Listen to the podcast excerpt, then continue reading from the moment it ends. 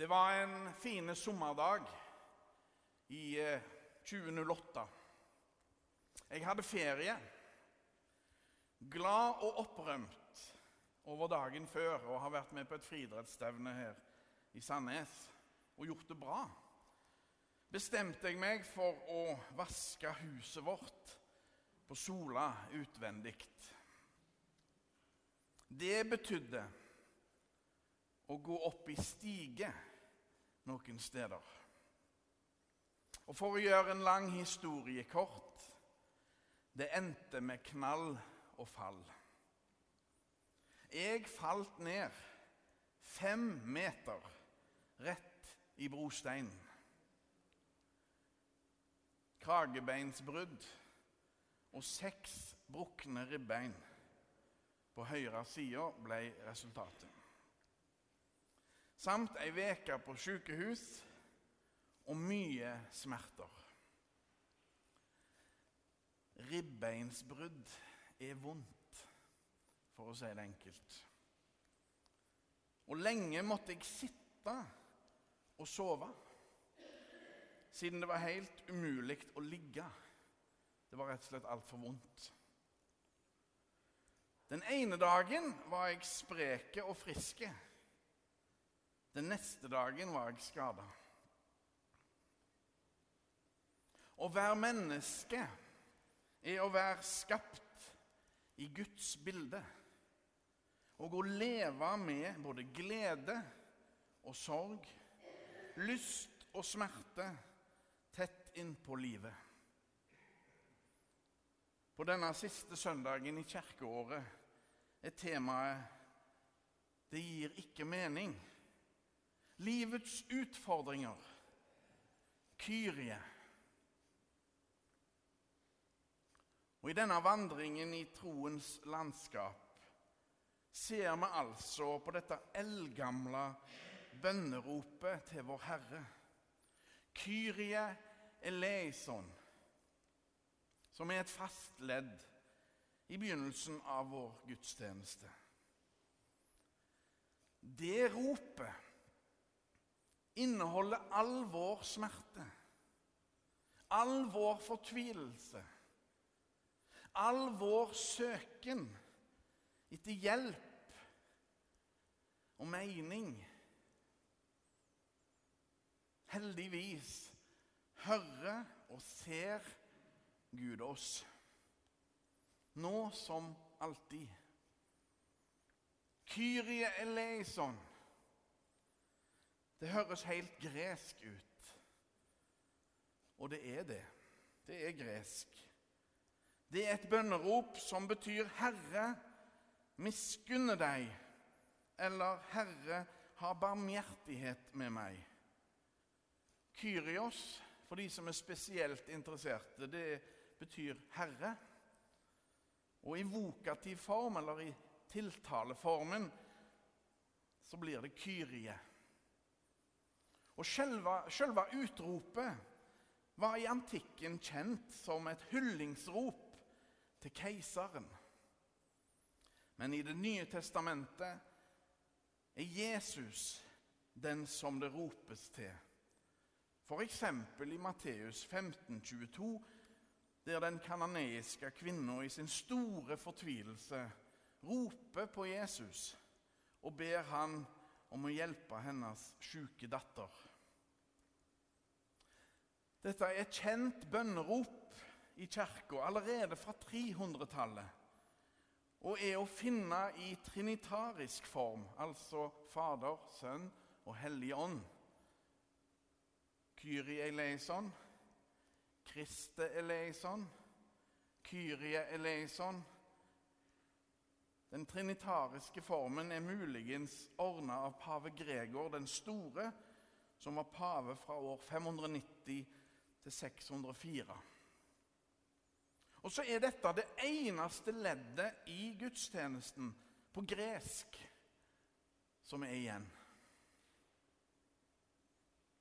Min skade etter fallet i 2008 var i aller høyeste grad sjølforskyldt. Jeg var uforsiktige og overmodige der jeg sto i stigen. Andre ganger er det som rammer oss, helt uforskyldt. Å leve som menneske er å leve i skjæringspunktet mellom det sjølforskyldte og det uforskyldte. Og det gjelder både ulykke og lykke. Den store dikteren Hans Børli har en gang skrevet Det rene, slumpartede lykketreff forekommer nokså sjelden. Du må som regel rekke lykken en hjelpende hånd. Godt sagt.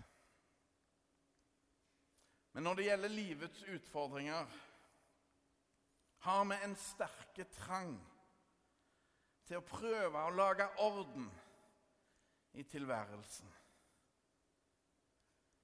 Men det er ikke noe system.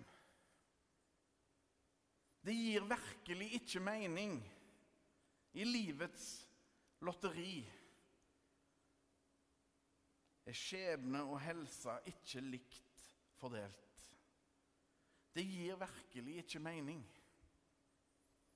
Noen slipper billig gjennom livet, sjøl om de lever et usunt og hardt liv. Andre igjen får skader og sykdommer eller blir utsatt for vold helt uforskyldt. Det finnes ikke noe system. Vi må alltid snakke sant om livet. Troen på Gud gir ingen garanti for noe annet enn at Jesus har lova å gå sammen med oss gjennom alt som er vanskelig.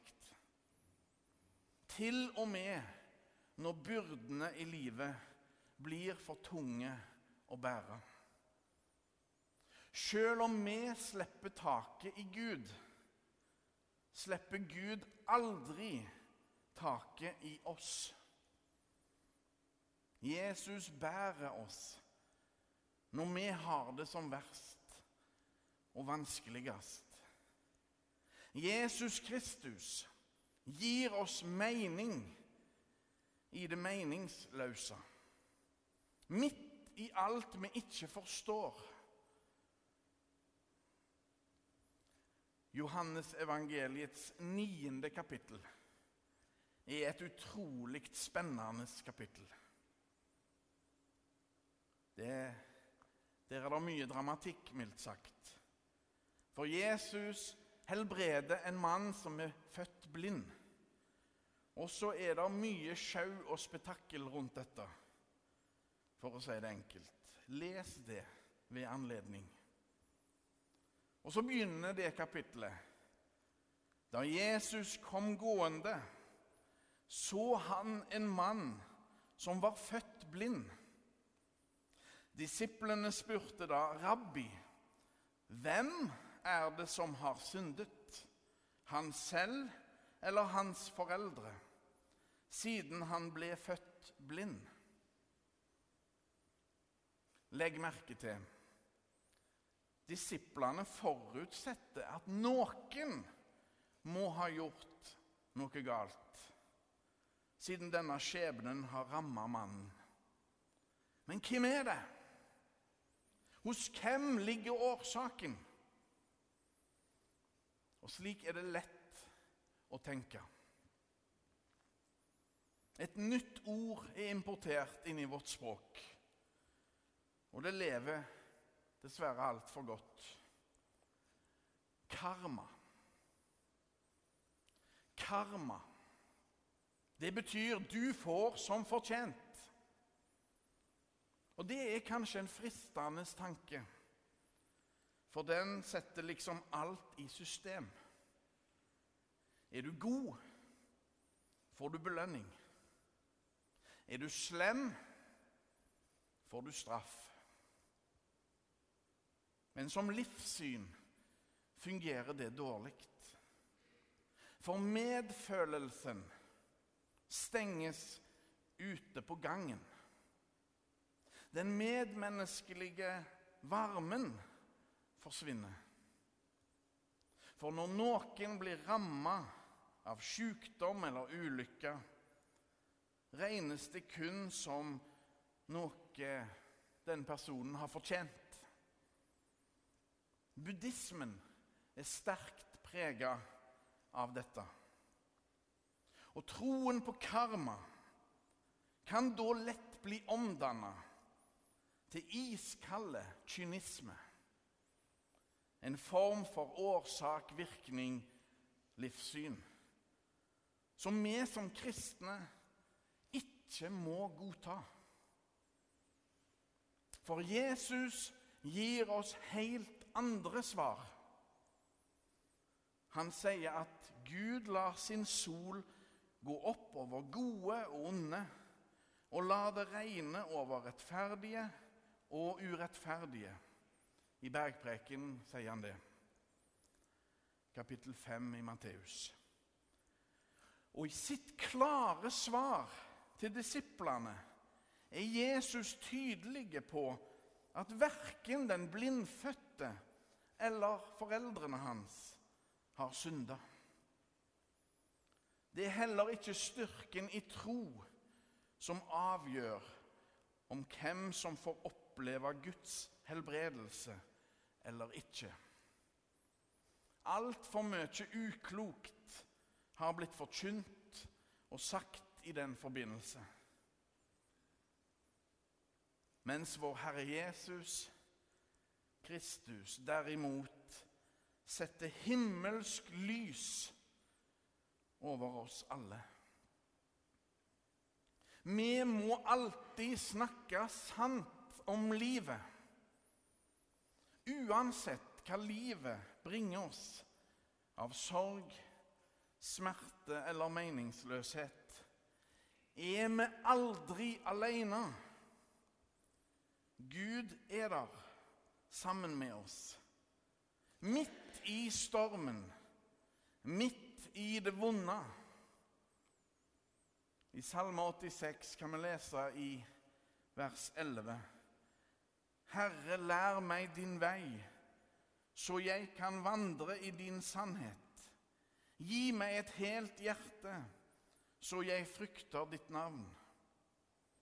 Eller som vi nettopp hørte bli lest fra Lukas 17, vers 13. Jesus mester, ha barmhjertighet med oss. Ha barmhjertighet med oss. Eleison, Kyrie eleison. Livet byr på utfordringer og vanskeligheter for oss alle. Og noen får mer enn andre. Men vårt hovedproblem er løst. Vi er tilgitte syndere. For vi trenger alle hjelp til å leve. Vi trenger hverandre. Vi trenger Gud.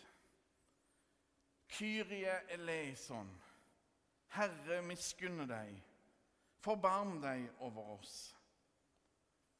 Jesus er uansett med oss. Han svikter oss aldri. Jesus møter oss alle med en guddommelig omsorg. Hans blikk er fullt av rene kjærlighet. Fullkommen, forsonende kjærlighet. Fullkommen omsorg og tilgivelse for den forkomne og ødelagte. Uansett hvor tøft livet er. Slik møter Jesus oss. Og slik han møter oss, skal vi møte hverandre. Jeg begynte med å fortelle om den dagen i 2008 da jeg ramla ned fra taket. Jeg vet veldig godt at det kunne ha endt mye verre. En kjenning som jeg traff rett etterpå, han sa det rett ut. Du må takke han der oppe for at du overlevde. Godt sagt. Takknemlighet kan utgjøre et ekko av Guds kjærlighet i våre liv. I Guds øyne er vi alle umistelige diamanter som er kjøpt og betalt til høyest mulig pris.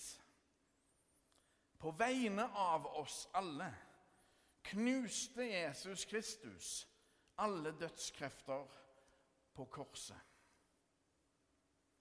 I sin sang 'Jeg ser' sier Bjørn Eidsvåg det så tydelig.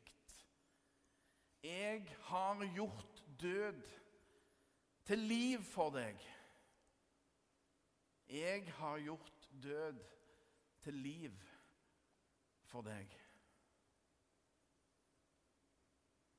Ære være Faderen og Sønnen og Den hellige ånd, som var, er og blir en sann Gud fra evighet og til evighet. Amen.